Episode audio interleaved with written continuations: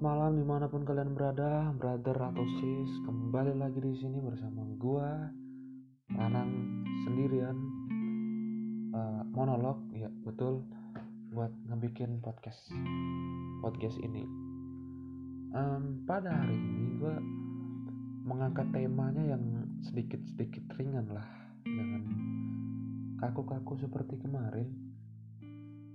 Ya, gue cari di Google nggak ada tapi temanya ini tadi. Uh, ini mungkin dimulai dari pertanyaan ya.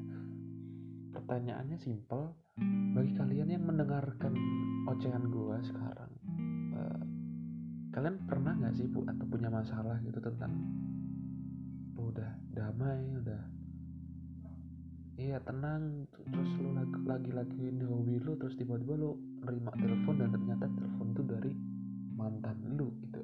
Mungkin mantan yang tersakiti mantan yang tersayang ataupun apa pun itu mantan yang jenis-jenisnya mantan. Dan dia telepon buat nanyain kabar lu buat nanyain iya lu lagi di mana? Dan cuman bahasa masih doang. Ya ah mungkin kalian kalau mendapatkan telepon-telepon seperti itu good job bro atau sis kalian sudah mendapatkan suatu kehapesan atau malah suatu keberuntungan nih iya kan? Jadi jujur aja aduh. Gue hari ini atau malam ini baru dapat telepon gitu dan asumsi gue telepon kayak gitu tuh ya buat sekedar ngegame aja. Iya cuy lu lu kalau ngegame terus lu harus telepon mantan lu gitu buat lu da, tanggung jawab dari kekalahan game tadi itu menurut gue gue nggak manusiawi sih anjir. Kenapa dia nggak manusiawi? Ya iyalah masa dia telepon mantannya gitu. Game apaan yang mengharuskan seperti itu? Emang gue punya game kalau lu kalah lu harus ngaku kalau lu korupsi. Waduh waduh waduh waduh. Waduh tidak boleh. Jokes ini keluar ke, ke pemerin pemerin pemerin. Ya pemeran. Nggak berani lanjutin guys. Takut ke ciduk ya mungkin kayak gitu ya. Itu tuh suatu hal yang wajar menurut orang-orang. Tapi menurut gua ya it's okay. Cuman gak masalah. Cuman setelah itunya mungkin orang-orang tuh bisa lagi dibangkitkan dari kubur arwah-arwah. Ush arwah-arwah dong arwah-arwah kenangan lo yang udah dalam-dalam lo kubur. Bahkan ada yang ngubur ribuan tahun. Waduh buset dah ribuan tahun enggak tuh? Sampai-sampai nih jiwa lo tuh malam malam itu nggak tenang. Ya, sama sama coy lo sama gue jiwa gue juga belum tenang banget gitu malam ini. Ya kenapa kenapa gue tenang gitu kan? Memang gue anggap tuh kayak uh, ya udah game biasa. Tapi tadi coy jiwa-jiwa yang bangun tadi tuh jadi zombie yang ngejar-ngejar lu tuh semalaman gitu. Wah kan nggak fair itu cuy ya nggak fair tiba-tiba dia tuh ngejar lu gitu. Kenangan tadi bukan ceweknya. Ceweknya sih lagi game tuh entah sama temennya atau sama pasangannya.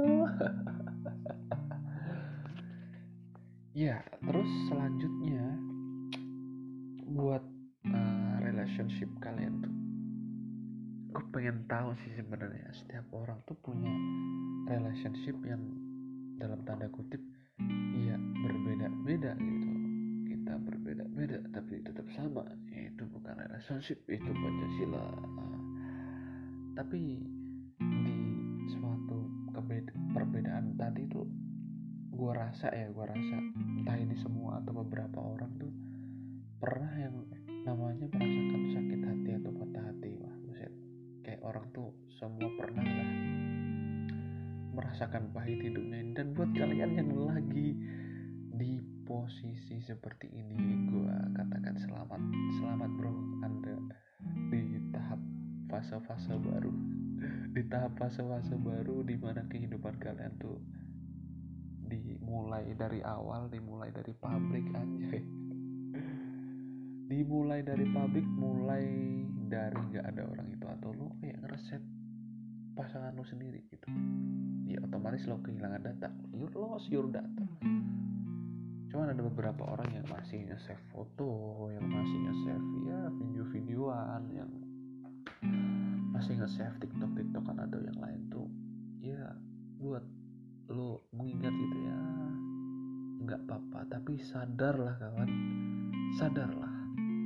Sadarlah dan sadarlah bahwasanya itu sudah terla sudah berlalu gitu sudah terlanjur yang di mana fase itu di mana fase lu tuh menyayangkan fase-fase yang terdulu. Padahal kehidupan gak cuma itu aja cuy ke depan tuh masih panjang. Jadi sebisa mungkin ya saran gue aja nih lu tuh janganlah patah semangat gara-gara seperti itu kerja kerjalah lebih keras dan sibuklah sendiri. Kenapa sibuk sendiri? Karena kalau lu nggak sibuk lu hanya sibuk mikirin yang sebenarnya nggak harus lo sibukin gitu. Itu dia. Tentang percintaan. Ya buat kalian-kalian yang seperti itulah. Gitu. Gue nggak ngasih solusi tapi gue pengen ngobrol manfaat gue kasih tahu nih buat kalian-kalian yang yang yang jomblo nih pendengar-pendengar yang jomblo kalian punya manfaat. Apa manfaatnya? Yang pertama kalian bebas waktu kalian free dan kalian gak terikat waktu satu sama lain. Ya alias lo gak harus ngabarin sana sini ketika lo mau ngilang semingguan. Terus lo juga gak nggak punya waktu yang lo buat ketemuan atau buat sekedar wasting time bersama pasangan kalian itu tuh seru tuh pasti tuh seru banget kalau lagi membara membaraknya. Tapi kalau lagi pahit pahit banget gitu. Seperti nelen obat nggak pakai ludah. Wah gimana tuh? Iya iya mungkin seperti itu. Si anjir. Ah. cuman itu ekspektasi gue aja sih. Aslinya sih ya tetap nyesek. Semuanya tetap itu manfaat kalian. Kalian nyesek tuh kalian sadar gitu waduh gue nyesek anjir. Ya udah gue besok lakukan yang terbaik lagi. Bukan buat cewek itu buat buat cewek lain gitu misalnya. Nah terus jangan lo nyesek terus tiba-tiba wah gue sesek gue sesek lah larikan ke UGD kayak gitu bos. Itu lo bukan sesek karena cinta itu lo sesek karena paru-paru lu. Aja um, terus mungkin ini selanjutnya ya ini udah nggak bahas cinta. Nah soal emosi kalian setiap harinya. Kalian pernah nggak sih ngerasain emosi kalian tuh kadang tuh nggak stabil? Atau pas malam-malam kayak, kayak gue pas ngobrol ini tiba-tiba ya emosi kalian tuh lagi lagi apatis kalian lagi egois kalian lagi bodoh amat atau lu kayak ngerasa waduh ini temen gue monopoli gue gue kalau bertahan di sini terus hancur gue gitu. Atau lu udah merasa bahwa lu itu punya tanggung jawab lebih terus lu mengabaikan tanggung jawab yang kecil-kecil tadi. Wah itu gua yang gua rasain banget cuy. Jadi di mana gue itu ada punya tanggung jawab lebih gede di mana itu lebih relevan dengan kehidupan dan lebih bersinggungan langsung dengan kerja. Dan yang satunya itu cuma organisasi. Kenapa gue bilang cuma organisasi? Ya sebenarnya kerja pun itu dinaungi oleh organisasi tapi organisasi yang gua cuma ini tuh kan cupu ya. Di mana organisasi itu tuh cuma ngandelin beberapa orang doang. Ya kalau gue bilang suka nggak suka gimana? Ya, kita harus suka karena beberapa orang tuh lebih efektif tapi gue juga ada nggak sukanya. Cuman itu doang. Akhirnya gue terus ya kena tunjuk ya itu gue kesel banget buat buat hari-hari kayak gini. Makanya bisa jadi mood gue berubah dan juga uh, perspektif perspektif gue tuh bisa berubah gitu loh sama orang cuy tiba-tiba gue agresif tiba-tiba gue uh, mungkin egois gitu. Itu yang beberapa yang mendasari ya lu gimana? Nggak stres lu? Lu ada kerjaan terus lu suruh ngerjain organisasi tuh hidup lu berapa jam sih?